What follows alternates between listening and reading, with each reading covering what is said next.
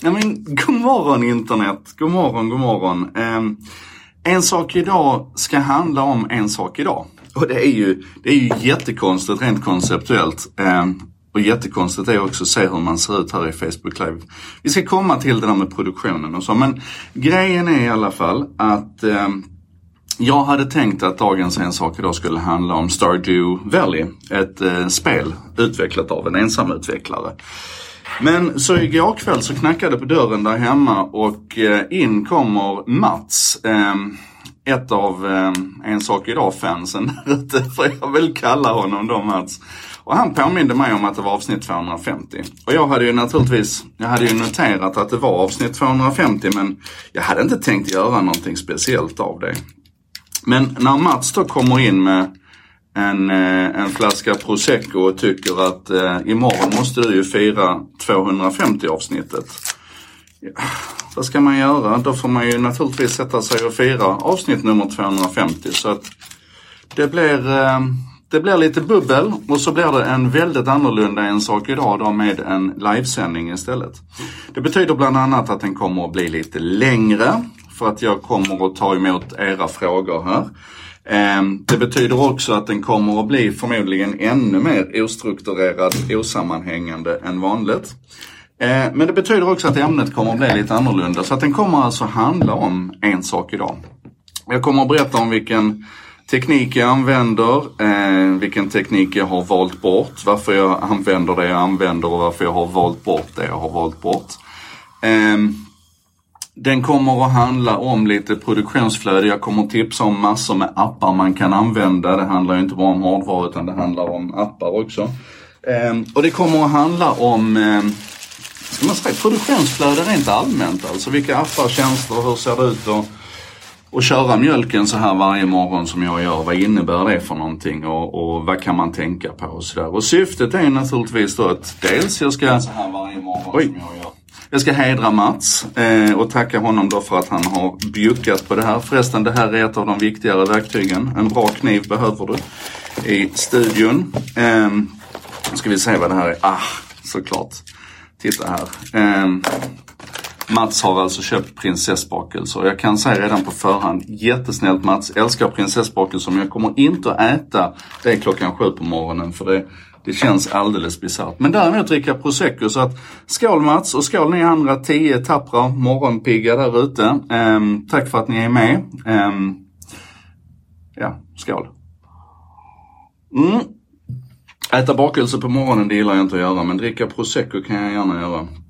Som Andreas Gartmo brukar säga, det är aldrig för tidigt för en prosecco. God morgon på er. Okej, okay, um, då ska vi se här lite om, lite om tekniken. Jag ska bara plocka upp um, jag ska bara plocka upp så jag ser till att jag har med de frågor som ni ställde redan igår. För att om ni inte har märkt det innan så är det så att det finns lite infrastruktur runt en sak idag. Det är dels den här sändningen som går ut på morgonen.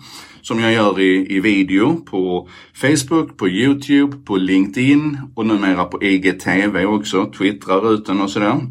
Och sen så är det då ljuddelen som jag, eh, som jag lägger upp via Buzzsprout och så blir det då en vanlig ljudpodd som går ut till eh, ja, Spotify och iTunes naturligtvis, Acast, överallt där ni kan hitta era poddar, där finns den. Men det är också eh, ett par element till på framförallt Facebook som jag tycker då är intressanta med den här nya, nya säsongen av En sak idag. Det är att jag har eh, en eh, grupp som heter En sak idag-gruppen, hashtag En sak idag-gruppen. Där jag ibland lägger ut grejer på förhand, testar grejer, jag tar emot tips och det har visat sig vara en, en jättebra resurs för mig. Jag är superglad för den gruppen. Och sen så publicerar jag numera också via en sida. Alltså istället för att jag, som i gamla En sak idag, där jag först la upp det på min egen eh, Facebook-profil, min personliga profil och sen eh, körde ut via Bredband2 vi ska återkomma till det med sponsringen för det var någon som hade frågat om det. Så idag så ehm, Eh, så lägger jag alltså ut eh, det på en En sak idag-sida, alltså en, en Facebook-sida. Och det är för att få tillgång till statistiken och för att få tillgång till alla de verktygen som, som man får på en sida men inte på en personlig profil. Men om vi, ska vi börja med tekniken då?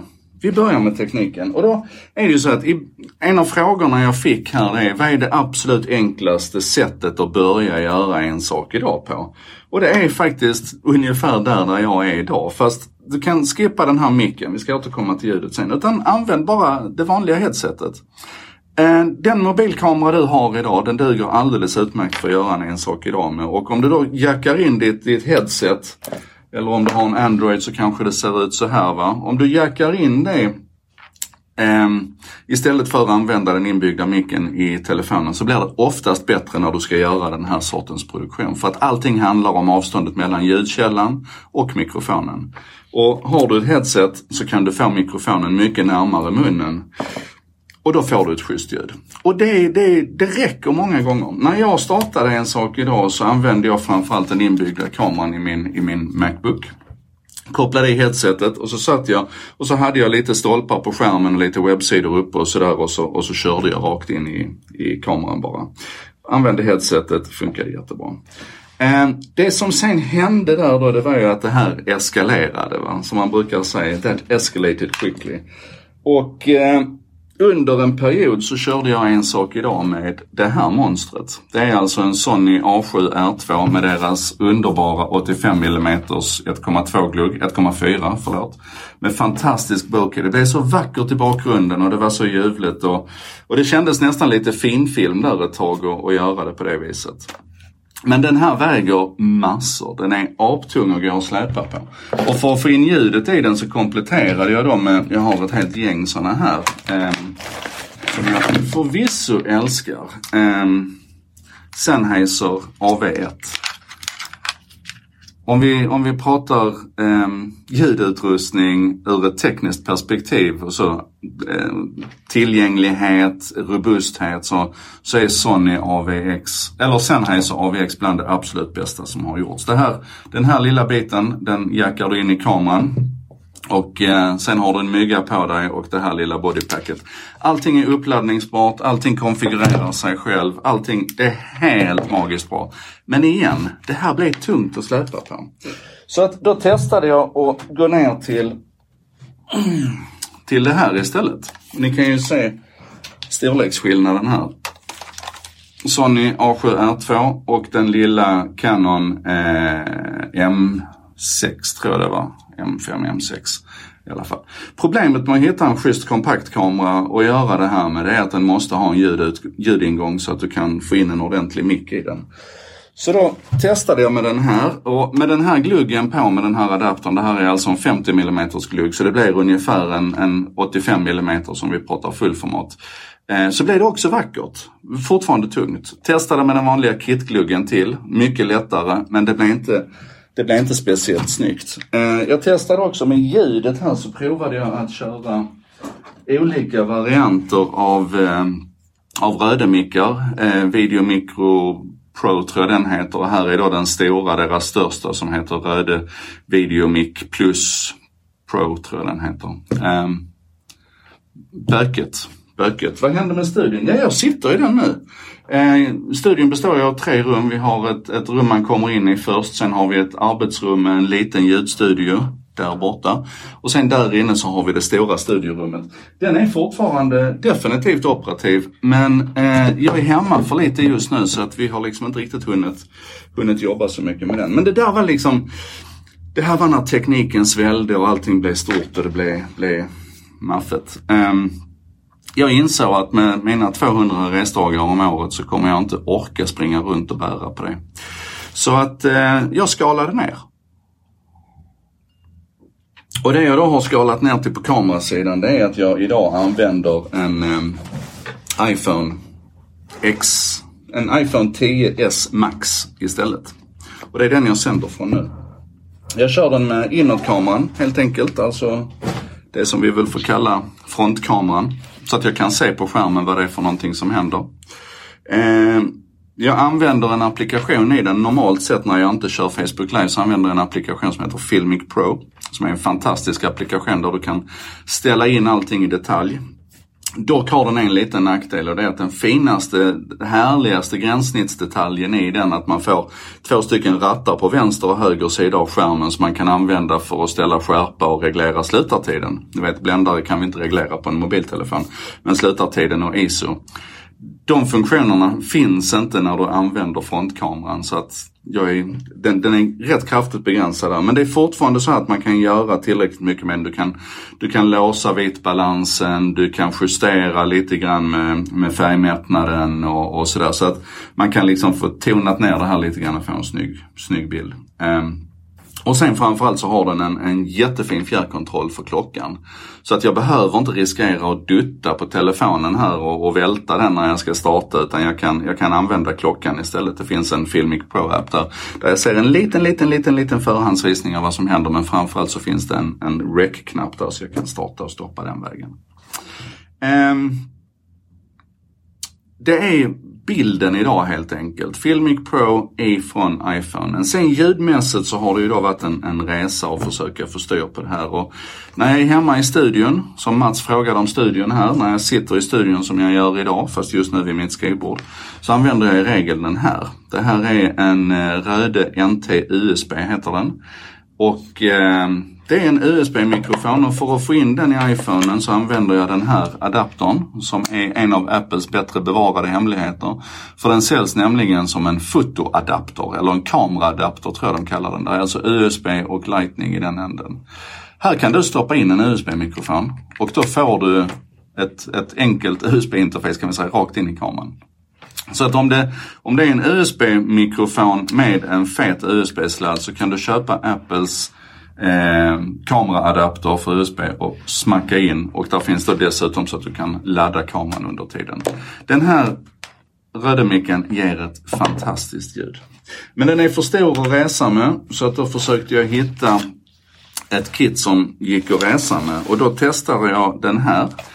Eh, det är en Apogee Mic heter den, Mic Plus numera. Eh, otroligt kompetent mikrofon i ett väldigt, väldigt litet format. Eh, Micro-USB kan den kontakten vänligen gå och dö snart, men micro-USB i botten. Eh, vilket gör att du med en, eh, en sladd som följer med och antingen kan dra den in i iPhonen så att det blir lightning-kontakt i andra änden eller in i datorn. Eh, väldigt enkelt litet kit att resa med. Eh, kräver dock att du släpar på ett batteri, eller eh, vet du det, eh, ett stativ till. Och stativ förresten, det är jag lite, lite allergisk mot. Många använder ju de här stativen, eh, Gorillapodden. Funkar inte alls för mig. Jag tycker det är mäckigt. Jag...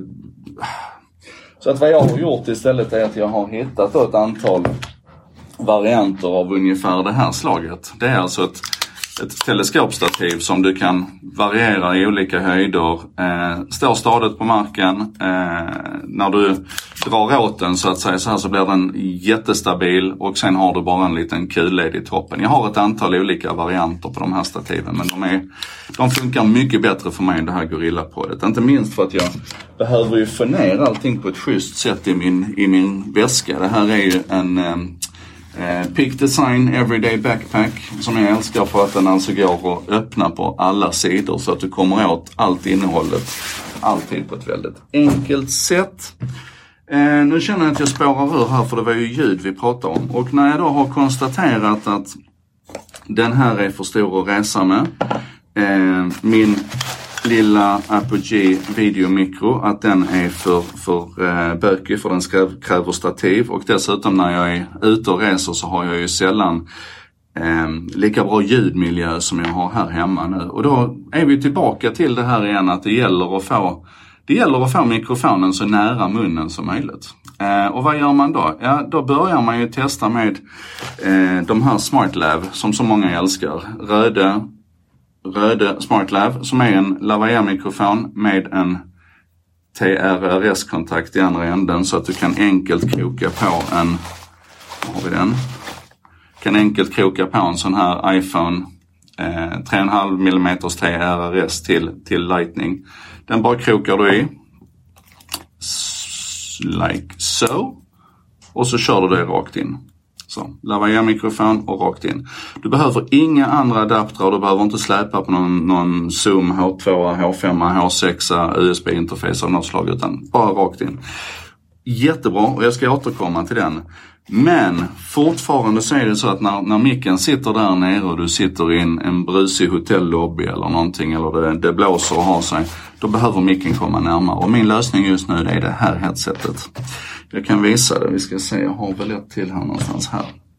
Så här ser det ut. Det är alltså ett eh, väldigt flexibelt, väldigt enkelt, eh, lätt. Det väger nästan ingenting, heter Röde HS2. Och vad den gör den är att den, den ser till att du får mikrofonen där, där munnen sitter. Och det är en bra sak. Eh, samma sak här. Du har en TRRS i, i änden. Eller rättare sagt, du har faktiskt inte det utan du har en TRS. Det här behöver vi kanske prata lite grann om. Jag ska se om ni kan, kan ni se de här två kontakterna här? Där kan ni se dem va? Eh, den ena här, den som heter TRRS. Modern mobiltelefon behöver det alltså. Sleeve. Eh, sleeve. Eh, Klarar inte av att, ta in ljudet i, i, mobiltelefonen. Så att då behöver man adapter och lyckligtvis finns det sådana. Här är till exempel en, en röd variant. Ni ser den är svart i ena änden. Det är TRS-delen. Den som ser ut så alltså. Zytt är där. Och sen i andra änden så har du TRRS. Eh, och då funkar det. Va? Strular ljudet? Vad säger ni? Strular ljudet för alla? Eller är det bara Björn som har problem med ljudet? Nej!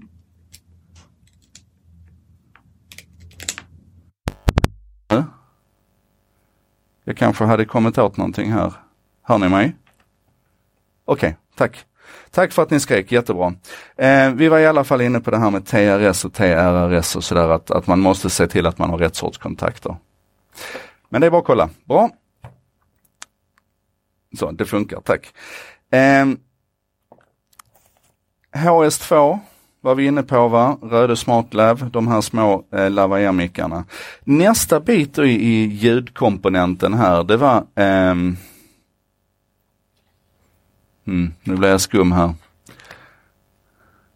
Det kan vara så att jag har kommit åt någonting här med ljudet, damn it. Men ni hör mig i alla fall, eller hur? Ja, det verkar som. Jo, eh, sen bestämde jag mig då för att jag skulle göra intervjuer på, ja jag kan Björn Svensson, du kan väl googla på Röde och mikrofon så hittar du det. Men jag ska länka. Ehm, det var någon som kom med det kloka förslaget att jag skulle lägga lite show notes till hela den här verktygslådan efteråt. Det kommer jag naturligtvis att göra. Mm. Jo, sen på fredagarna, numera en sak idag, så har jag gäster. Och ehm, då ehm, behöver man kunna plocka in två mikrofoner och då var jag i det här valet och kvalet igen. Ska jag börja släppa på liksom tunga USB-adaptrar, H2 eller HS, H2 från Zoom och sådär. Men då är det så att Röda har den här. Det här heter eh, S C6-L, Röde SC6-L. Och den har alltså två stycken mikrofoningångar, två stycken eh, 3,5 mm mikrofoningångar och ett hörlursuttag i mitten. Och sen har den lightning i andra änden. Så den smackar du in i din iPhone och så kopplar du in två stycken mikrofoner i den. Det kan vara två stycken två stycken sådana här SmartLabs. Det säljs i ett kit ifrån Röde som heter Interview Kit. Och då får du två stycken SmartLabs och så får du en stycken sån här i samma paket till ett ganska bra pris. Um, vad jag gör nu istället är att jag tar mina, mina HS2, alltså mina headset-mickar och så köttar jag in dem istället i den här. Och använder man rätt applikation, om man använder till exempel Filmic Pro, eh, så får du eh, den ena mikrofonen i den ena kanalen, ettan kommer i vänster kanal och mikrofon två kommer i höger kanal. Och då kan du alltså eh, justera eh, balansen lite grann i efterhand, alltså lyfta upp volymerna. Du kan, du kan se till att, att eh, helt och hållet hålla tillbaka den ena mikrofonen när den andra pratar så du slipper den här lite ekiga känslan och sådär. Ehm, men just den ekiga känslan tyckte jag blev väldigt påtaglig när man satt två stycken med lavalier-mikrofoner, alltså med den här sortens myggor som du fäster på kläderna mitt emot varandra. Så det är ännu ett skäl då till att jag har gått över till de här headseten istället och då har två stycken. Så att jag har alltså två stycken headset, eventuellt lite förlängningskablar. Ser till att ha en adapter, för ni ser att den här har ju bara två stycken ringar va. Ser till att ha en adapter innan jag stoppar in det i den här och sen är det bara att tuta och köra. Och i Filmic Pro då så får jag som sagt får det i två olika kanaler. Plus att till de här headseten så finns också den här, den här lilla döda katten som följer med, den här lilla dead katten som är ett, ett alldeles utmärkt vindskydd har det visat sig. Um, hjälper till att motverka lite puffljud också verkar det mm. Jag ska bara förklara varför jag sitter och dricker prosecco klockan sju på morgonen. Det är alltså eh, Mats fel. Han kom förbi igår och sa du måste ju fira 250 jubileum eh, med lite dricka, så det gör jag nu. Eh, om du inte ska köra video utan bara fokuserar på ljud så är du egentligen ännu bättre ofta. Är det fortfarande samma teknik, alltså samma lilla enkla bärbara kit som gäller. Jag skulle rekommendera två stycken HS2, eh, två stycken sådana här adaptrar och en styck SC6L rakt in och sen så kan du då använda eh, applikationen Hindenburg till exempel i din iPhone för att bara ta ljud och då får du riktigt, riktigt, riktigt bra ljud. Eh, Björn Svensson frågar på tal om ljud om jag har provat att använda airpods som mikrofon och det har jag gjort. Ehm, I Filmic Pro så kan man, det är inte alla applikationer som kan ta in bluetooth headset, men Filmic Pro kan göra det till exempel. Ehm, då väljer du i ljudinställningarna så väljer du bluetooth microphone och då kan du få in dina airpods. Jag har testat det, jag tycker inte det blir tillräckligt bra. Ehm, man måste komma ihåg att det är en, en rätt så stor skillnad på vilket, vilket ljud du accepterar i ett realtidssamtal och vilket ljud du accepterar när du eh, eh, när du ska titta på någonting i efterhand, om du ska göra en intervju eller en prata eller sådär. Och jag tycker inte att, eh, att de headseten, bluetooth-headseten, jag har inte hittat något som levererar tillräckligt bra än. Men jag, hoppet är det sista som överger människan, det får gärna lov att komma. Eh, Förutom Hindenburg så kan jag säga att Röde har också en egen applikation som du kan använda för att ta ljud och så. Eh, på tal om applikationer, jag tror vi är rätt så färdiga med ljudet. Är det någonting mer så får ni, får ni fråga på där. Och jag ska säga att vi hade ju ett litet avbrott på ljudet här alldeles nyss och det berodde nog på att jag satte mig på, på kabeln. Det är ju dumt. Um, en sak till om applikationer. Eh, Adobe har precis kommit med en fantastisk applikation som heter Rush. Eller den heter egentligen Adobe Premiere Rush.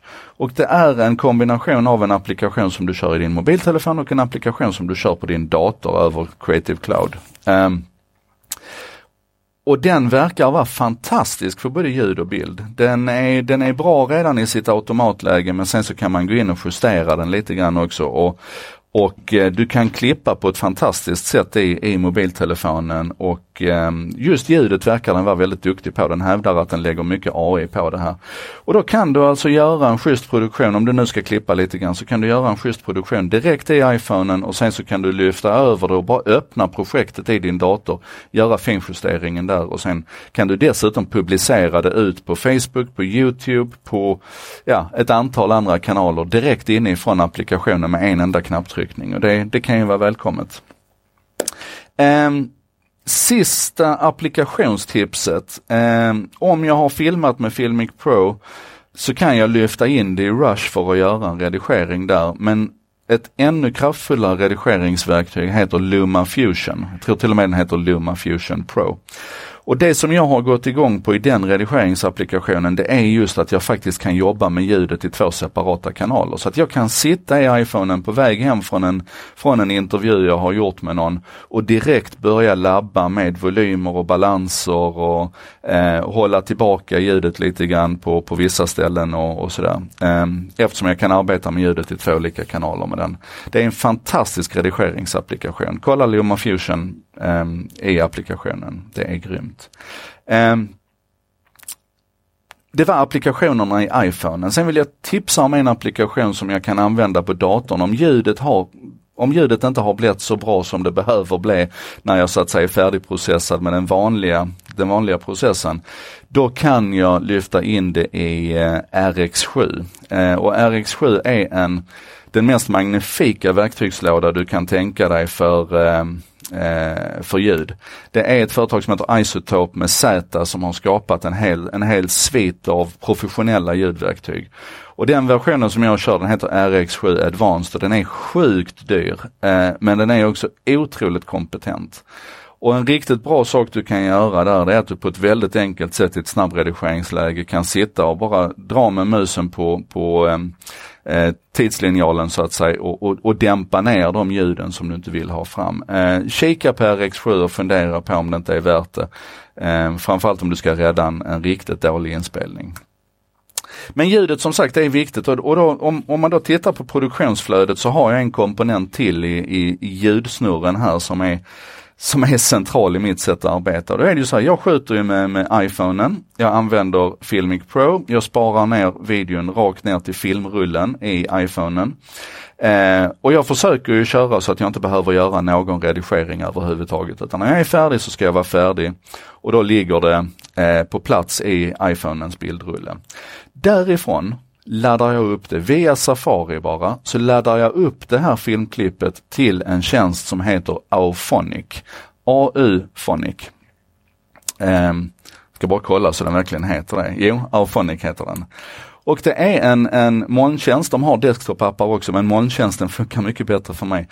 Och vad jag gör det är helt enkelt att jag från filmrullen via Safari laddar upp klippet där. Och då ser iPhonen först till att komprimera det här klippet så att, att det blir säg en tiondel av storleken vad det är från början eftersom det är en funktion mellan, mellan eh, bildrullen och, och, Safari där som fixar det här. Skickar upp det hyfsat snabbt då alltså till Afonic och där kan jag då tala om att när du, jag, jag vill att du processar det här ljudklippet och ser till att det blir 16 lufs, vilket är den loudness nivå som ett, ett, ett poddklipp ska ligga på. Den ser till att göra lite eh, dehumming och denoising, plockar bort lite så här. Den normaliserar ljudet och lägger en, en schysst loudness-nivå så att det blir jämnt och, och mycket trevligare att lyssna på. Och, och, gör en massa schysst magi med ljudet och sen så ger den mig två stycken filer. Jag får en videofil tillbaka och jag får en, en ljudfil, en ren mp3.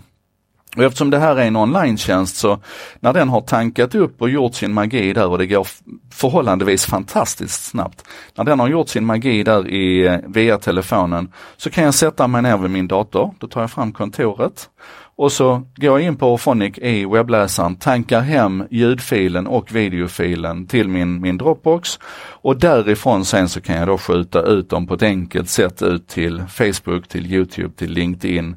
Eh, IGTV lägger jag oftast upp direkt ifrån telefonen. Eh, men Auphonic är en sån här, när jag liksom hittade det sättet att direkt ifrån mobiltelefonen skjuta upp det till Auphonic, få gjort en, en, en ljudbearbetning där som jag inte kan påverka själv i någon större utsträckning men det behövs inte för Auphonic gör det så bra. Sen hämta hem det därifrån till datorn och, och skjuta ut ifrån datorn. Det var en, det var en, en riktig så, produktionshöjare när det hände. Um, vad finns det mer att säga om själva produktionen? Jag har pratat vad jag använder för hårdvara, jag har pratat vad jag använder för mjukvara. Um, och nu såg jag här, nu skrev Jan och Jan här att eh, eh RX ifrån Isotope kostar 799 dollar och jag sa ju det, det är dyrt, det är mycket pengar det handlar om. Eh, och det, det den sortens prylar, liksom faktiskt all den här andra tekniken jag har pratat om. Eh, det, det, det, kan ni vänta med in i det längsta egentligen. Ni behöver verkligen inte snöa in på det. För att um, det går alldeles utmärkt med bara mobiltelefonen och det, det, vanliga headsetet. Börja i den änden. Och kanske signa upp för Ophonic och börja använda den tjänsten. Då ska jag säga, det som är min största utmaning alltid när jag är ute och, och, och reser och ska försöka göra en sak idag. Det är inte det vi har pratat om nu, det är inte den här delen av produktionen. Utan det är just uppladdningen. Och då försöker jag lösa det på, på lite olika sätt. Ehm, det vanligaste och det som funkar bäst är faktiskt inte hotell-wifi och, och, definitivt inte wifi ute hos kunder. Utan det är att jag har med mig en, eh, en Pixel 2. Ehm, jag har provat att göra video med den också förresten. Det blir faktiskt inte lika bra som det blir med iPhonen. Den tar bättre stillbilder än iPhonen men, men video blir inte lika bra tycker jag. Anyway, jag använder den här som en, en uppkopplingsenhet. Den den är mitt bärbara internet. Eh, hemma och i Europa så använder jag Tele2s Unlimited abonnemang. Och då kan jag verkligen, jag kan tanka upp och ner hur mycket data som helst. När jag är utanför Europa så slår jag över till e-simmet i den här och använder Project Fi. Det är alltså Googles eh, virtuella mobiloperatör eh, som har eh, fantastiskt bra prestanda över hela världen och som dessutom har en cost cap. Så att jag betalar typ när jag har, när jag har nått upp till, jag tror det är 80 dollar som taket ligger på, så fortsätter det inte att kosta mer. Utan jag har i princip obegränsad uppladdning. Över ett visst tak som ligger väldigt högt så, så det kostar fortfarande inte mer men de sänker hastigheten lite grann. Men Project Fi, om du reser mycket så se till att kroka arm med någon kompis som bor i USA så att du kan signa upp på Project Fi för du måste ha en amerikansk adress för att kunna göra det. Um, det är liksom det själva uppkopplingsdelen när det gäller mobilsidan. Sen har jag då, tidigare så reste jag ofta med en sån här, en, en iPhone Express. Eh, och så hade jag lite, lite fula knep då för att kunna jacka in den på mobil eller på hotellets wifi och sen dela det vidare och sådär. Men nu använder jag istället den här. Den heter, eh, den heter GLI-net. Och det är alltså en, en, liten, en liten reserouter. Du har eh, en port in, du har två portar ut, du har en USB-port så att jag kan alltså jacka in eh, min eh, Pixel 2 och köra USB-tethering in via eh, eh USB-ingången här och då få ut. Och, och, det fina med den egentligen det är två saker. Det ena är att den väger en, en, ja, en femtedel kanske av vad Expressen vägde. Den väger faktiskt ingenting i princip. Den har jättebra prestanda men framförallt så har den ett gränssnitt med en programvara som verkligen är anpassat till det som jag försöker göra, nämligen att få ett, ett lokalt fungerande nät oavsett hur saker och ting kommer in. Oavsett om det är USB in eller om det är via tråd eller om det är att jag tar hotellets wifi eller kundens wifi och sen repeterar ut det så har jag alltid med mig ett nät som heter Jardenbergs. Var jag än är någonstans. Och det är ju otroligt värdefullt, inte bara när jag ska göra en sak idag och allting bara ska funka och flyta. Utan också när jag ska stå på scenen och prata om internet of things och jag ska tända Joey-lampor och jag ska få min homie att funka via, ja så här då är det eh, ett jättebra knep. Så att, att ha med sig sitt eget internet. När jag tethrar den här, när jag slår på hotspoten i den så heter nätet Jardenbergs. Det är samma lösenord som jag har hemma. När jag kopplar in min, min eh, GLI-net eh, 750 AR750S som Jan precis skrev att den heter. Tack för dina fantastiska shownotes Jan. Så heter det nätet också Jardenbergs och sådär. Så att alla mina prylar har liksom sitt hemmanät med sig överallt var jag än kommer. Um, och när det här fungerar så är det ju underbart. Uh, det är mindre underbart när, när det inte fungerar med internetuppkopplingen. Det är min enskilt största frustration under alla de här 250 avsnitten. Det är när jag har liksom lyckats få ordning på min produktion så att jag är nere i att allting tar 20 minuter från ax till limpa. Och sen så ska det ta tre timmar eller fem timmar istället för tre minuter, fem minuter och ladda upp grejerna. Eh, det är värdelöst och det är ungefär som att, jag, vet, jag skrev det tror jag, att, att det, det, funkar rätt så bra att pendla till jobbet så länge kollektivtrafiken flyter men när tågen inte kommer eller är allvarligt försenade och sådär, det är precis samma känsla jag får runt det här internetandet. Um, då ska vi se här, jag tror jag fick några frågor eh, från igår. Eh, reserotorn har jag nämnt. Eh, tips på utrustning som gör att jag kan kommunicera via video så att motparten kan se vad jag gör live. Alltså inte se mig utan se mina händer. Och då tänker jag direkt den nya GoPro Hero 7. GoPro 7 Hero tror jag den heter. Eh, med en, ett sånt här kroppsspänne så att du spänner fast den här. Den nya GoPron har fantastiska möjligheter att, att sända live. Um, uh, så den hade jag nog rekommenderat. Jag tror jag skrev det också, ja, GoPro 7 där. Um, inte en teknikfråga direkt men jag är lite nyfiken kring hur du tänker med publicering. Du har ju tidigare publicerat en sak idag på flera olika sociala medier som erbjuder sina egna kommentarsflöden. Eh, vilket medium ger bäst genomslag eh, när det gäller antal visningar, spridning och efterföljande diskussion. Så är det några mönster när det gäller vilka som väljer de olika kanalerna. Eh, ja, och jag kör ju fortfarande i alla kanaler. Och jag kan säga direkt att för mig så är Youtube den minst värdefulla plattformen. Och det är förmodligen för att mitt material definitivt inte är Youtube-anpassat. Jag hade jättegärna hitta, hittat ett, ett produktionsflöde som, jag menar, jag älskar ju Casey Neistat och hans videos men då, måste, då, hade, jag fått, då hade jag tvingats sitta och, och, producera mycket mer än vad jag gör och den tiden har jag inte. Jag älskar Nas Daily men jag har inte hans energi och så vidare. Så att, Youtube är inte min kanal utan det är mycket mer för mig ett repository. Det är en plats där jag liksom parkerar grejerna för att jag vet att det är ett bestående arkiv där jag kan strukturera saker och ting. Jag kan ha en spellista som heter en sak idag och där finns liksom ingenting annat än de här videosarna. Så att Youtube är ett repository. Eh, för mig så funkar Facebook absolut bäst. Eh, det är här jag får mest trafik, det är här jag får mest, mest engagemang, det är här jag får de bästa diskussionerna, det är här jag känner att materialet verkligen flyger fram. Alltså ta en sån som, som Elsa Dunkels videon som jag gjorde för, eh, vad är det nu, tre veckor sedan. Eh, jag tror jag, är, jag närmar mig 100 000 visningar totalt på Facebook på den. Eh, 350-400 delningar och i min, i min värld är det ohyggligt eh, fina siffror. Eh, och det gör mig glad för att det betyder ju att folk som kanske annars inte hade exponerats för Elsa Dunkels klokskap om, om eh, skärmtid, hon, hon får det, de får möta det med. Ehm, så att Facebook på alla plan är den kanalen som funkar bäst för mig. LinkedIn smäller till. Eh, den plattformen går verkligen upp och ner som en berg och dalbana. Så lite grann tror jag det beror på innehållet. När jag pratar mycket siffror och affärer, inte helt oväntat, då händer det saker på LinkedIn. Och det är kul när det händer saker på LinkedIn för att den diskussionen blir ofta, eh, den blir ofta ganska spänstig, den blir bra. Och framförallt så märker jag att den når ut i kretsar där jag kanske annars inte hade nått ut. Jag, jag märker att helt plötsligt så sitter där liksom vd och styrelseordförande som jag inte har någon annan kontakt med som sitter och helt plötsligt börjar diskutera teknikfrågor och det tycker jag är spännande och intressant. Um, den plattformen, och viktigt ska jag säga, och den plattformen som jag, som jag brottas mest med, verkligen brottas med och försöka liksom förstå vad jag ska göra av, det är IGTV. Eh, Instagrams eh, långformatsvideo eh, del, eh, IGTV, Instagram TV. Där, där ligger jag liksom på, om jag, om jag ligger någonstans mellan i de andra kanalerna så har jag väl mellan 1000 och, och som sagt 100 000 när det är Elsa Dunkels.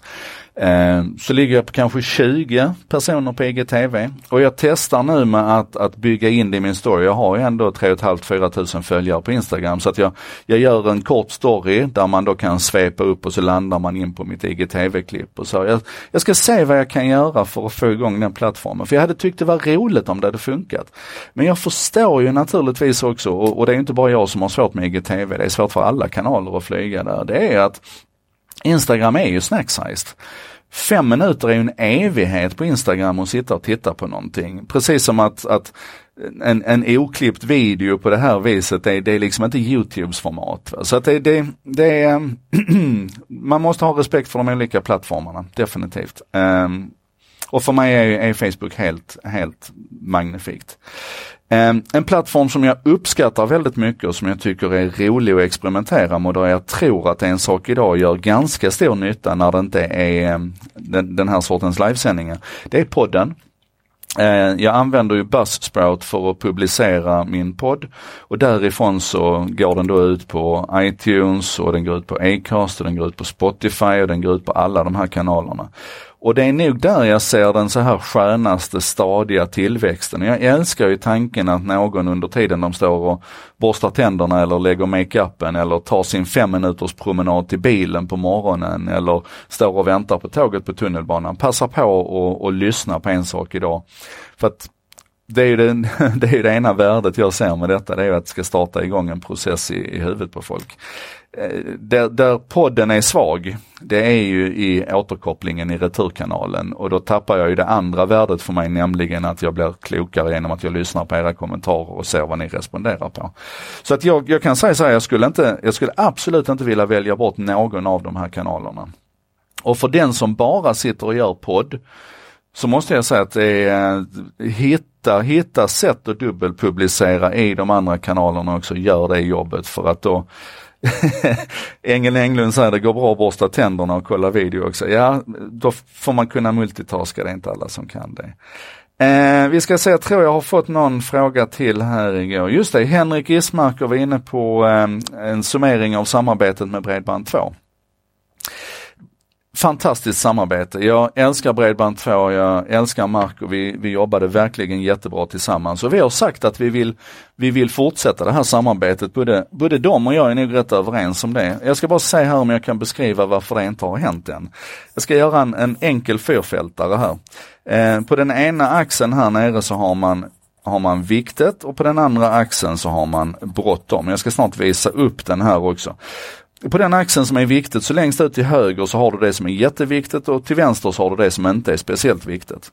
På bråttom-axeln så högst upp har du det som är jättebråttom och i botten har du det som inte är, är speciellt bråttom. Och då får man en, en fyrfältare som ser ut på det här viset. Den här kallas också för en, en Eisenhower-matris, för det var presidenten som populariserade det här. Och då är det ju så här, det är rätt uppenbart för oss att det som är jättebråttom och jätteviktigt, det gör vi först. Det är där vi måste, det, det är det vi måste prioritera allra först. Det som händer sen när vi är färdiga med det, det är att vi, att vi har en förmåga att röra oss in emot mot det som är bråttom men inte speciellt viktigt. För det är så jäkla skönt att bocka av saker på do-it-listan. Och eftersom jag och Bredband2 är så jäkla trygga med oss, med varandra och så, här, så har vi ju sagt att ja, men det, är, det är viktigt att vi får igång det här samarbetet igen men det är inte speciellt bråttom. Och det betyder att istället för att komma ner här nere där det är som inte är speciellt bråttom men, men jäkligt viktigt, där vi faktiskt gör de sakerna. Och nu ska jag inte skylla på Marco för det här är framförallt jag. Så hamnar jag här att jag bara släcker bränder istället. Så att vi är nästan framme men, men vi är inte framme vid den punkten än där vi har kunnat formalisera del två av vårt samarbete. Och det är bara mitt fel och det är för att jag springer vilse i Eisenhower-matrisen. Um, just det, duschställ till vattentät iPhone så kunde ni lyssna och titta på det. Um, Jo, ehm, en skillnad då eh, som vi diskuterar här nu i det nya samarbetet och som har gjort att vi inte bara kunde fortsätta rakt av på hur det såg ut innan. Det är att jag ville plocka hem det här till mina egna kanaler. Ehm, Kanske framförallt av, av produktionsflödesskäl egentligen. Det blev för mäcket för mig att sitta och arbeta med, med deras kanaler och mina kanaler och hålla koll i deras kanaler och bli utsatt för alla deras notiser i övrigt och sådär och samtidigt hålla koll på mina egna kanaler. Vi får inte glömma, jag gör ju detta för att jag vill lyssna framförallt. Eh, men också för att, att jag tycker att det känns skönt när en sak idag nu har existerat så pass länge som den gör att man vet att den finns på ett ställe, att det finns en ordentlig hemvist för den. Och då, då måste ju naturligtvis samarbetet se annorlunda ut. Um, och Bredband2 och, och Marco och Test har inga problem med att, att jag vill att det ska ligga hos mig men det är klart att ur, ur allas perspektiv så blir det annorlunda när man gör en sån radikal skillnad när man går från att publicera i deras kanaler till att det ska ligga i min kanal. Och sådär. Eh, jag vet inte om det var svar på din fråga Henrik men, men så ser det ut i alla fall. Eh, Eh, just det, det, det är önskemål på, på fler show notes överhuvudtaget, tydligare show notes, fler länkar, jag vet, men det är igen den här rackarns tidsproblematiken. Alltså jag måste ju, jag måste ju slimma det här, jag måste få det gjort så snabbt som möjligt. Och den här livesändningen är ju ett exempel på hur det inte ska gå till, då vi har varit igång i, i 43 minuter nu och jag kommer alldeles strax avrunda men tiden är alltid en faktor för mig och ju mer tid jag måste lägga efteråt på show notes och postproduktion och så vidare, ju jobbigare blir det och ju mindre tid kommer jag ha på, på det som jag tycker är viktigt, nämligen innehållet. Um, Eh, ska vi se, Lennart frågar det vi har varit inne på lite grann, men jag kan ju svara konkret på frågan. Om man ska starta från noll och fundera på att göra något enkelt utan massor med budget, finns det någon prioriteringslista? Ja, arbeta med det du har Lennart. Alltså, du har förmodligen en mobiltelefon redan, du har förmodligen ett, ett headset till den mobiltelefonen. Med det så kommer du otroligt långt. Det är liksom det, egentligen kan du både börja och sluta där mobiltelefon, headset och kör. Och så skulle jag nog säga att du ska investera i, eh, i Pro-versionen av Filmic Pro. Så att betala för den appen för att den kontrollen som du får där den ger dig så mycket. Sen nästa steg det är att jobba med ljudet. Och då skulle jag rekommendera HS2, eh, Rödemicken HS2. Och sen därifrån kan du fortsätta med alla de andra tipsen som jag gav tidigare. Och sen så vill du ha en bakom kulisserna Eh, en bakom kameran, en bakom kulisserna film från ax till limpa. Ja, det är klart jag ska göra. Eh, jag har gjort en tidigare engelsk version som ligger på min, min Youtube-kanal där jag beskriver liksom lite grann av konceptet och tekniken så som den ser ut då. Men det är klart att man skulle kunna göra en tre minuters film egentligen med alla de här enkla stegen eh, som man har att gå igenom. Jag tror att det var allt och vad jag kan se så har det väl inte kommit in någon annan appen. Mikael Tripp frågar vad heter appen? Ja det är förmodligen Filmic Pro du tänker på. Eh, vi är överens om att vi vill ha ett, ett duschställ. Nu när iPhonen är vattentät så är det ju klart att vi, det finns säkert ett duschställ där ute någonstans. Eh, annars tror jag nog att jag efterhand har svarat på era frågor. Eh, nu gör jag så här att eh, tillsammans med de fina noteringar som John Wideren redan har gjort här eh, där han har skrivit upp appar och länkar och så vidare så kommer jag försöka bygga ihop lite, lite schyssta show notes runt detta. Eh, och sen så småningom här under dagen så kommer jag att återpublicera det här också så att det kommer upp som vanligt på Youtube, på LinkedIn, på IGTV. Ehm, ja, det är väl det. Inga fler frågor. Nej men hörni, eh, skål på er då. Tack ni, vi, nu ska vi se här. Eh, upprepar min fråga, har du testat att köra på en Pixel istället för iPhone? Ja, jag nämnde faktiskt det tidigare i avsnittet. Jag älskar min Pixel 2. Det är en fantastisk mobiltelefon, en fantastisk kamera. Eh, och eh, det som jag inte tycker funkar så bra på den, det är två saker. Jag tycker att video, eh, frontkameran för video tycker jag inte är speciellt bra. Eh, och ehm, eh, det andra är att det passar inte in i mitt produktionsflöde eftersom det bygger på, eh, på eh, filmrullen och fotokit. Jag hade fått gå över och, och, jobba mer med Google Photos i så fall och det funkar inte. Eh, nu ska vi se här, jag fick en, en, eh, en fråga om, eh, om ljus. Och bara för det så hittar jag inte den nu. Jag har en reflexskärm som jag brukar resa med. Ehm, en sån här ni vet som är vit på ena sidan, silvrig på andra. Den är så här stor när den är hopvikt och väger nästan ingenting och sen så kan den expandera och bli en, en ganska stor. Fan har jag inte plockat fram den? Det har jag inte gjort. Det var ju dumt. Eh, men det är det jag gör på, på ljudfronten annars just nu. Det är att jag, att jag bär med mig den. Den ligger i väskan också. Så att en, en reflexskärm gör underverk och kan varmt rekommenderas. Väger nästan ingenting, tar nästan ingen plats när du har väl lärt dig att vika ihop den och få ner den i det lilla paketet. Um, Just det, jag fick en fråga till och det är när jag ska kvalitetskontrollera det här. Och jag måste slå ett slag för det här fantastiska headsetet också. Det här är alltså Sonys nya, vad heter de, VH3000 XM3 tror jag de heter. Eh, brusdämpande eller eh, noise cancellation headset med bluetooth och, och sladd och eh, jag hade bara glömt att säga det. De har jag också med mig, både för att jag reser mycket men också för att jag eh, ibland behöver kontrollera ljudet lite bättre. Eh, ja, det finns massor med grejer här. Gimbal naturligtvis, kul för videoproduktion och behövs inte för detta, onödig vikt att släpa på. Eh, Sådana här väskor som du får i business class när du flyger har jag tusentals av och de är jättebra att packa grejer i och jag inser nu Jan, du, eh, eller Lennart var det förresten, eh, tror jag va. Lennart är inne på någonting viktigt här, att jag borde göra en bakom kulisserna film som är mycket mer strukturerad än vad det här är med, med de tipsen som gäller just nu. Hörni, eh, skål och tusen tack då. Avsnitt 250, 48 minuter, alldeles för långt. Eh, många av er kommer aldrig någonsin orka titta på detta men jag ska se till att med, med Lennarts hjälp bland annat, så blir, eller med Jans hjälp är det, ska jag se till att shownotesen blir jättevärdefulla och att ni kan dra nytta av dem. Skål och tack, vi ses och hörs. Och imorgon är det vad är det imorgon? Det är fredag imorgon. Imorgon blir det en sån här En sak idag special igen med en gäst och det är Heidi Wold ifrån eh, Scandic, hon är kommunikationsdirektör på Scandic, som ska prata om det här med den fysiska och den digitala världen och gästresor och hur man syr ihop det här och, och hon är naturligtvis grym. Vi hörs, hej!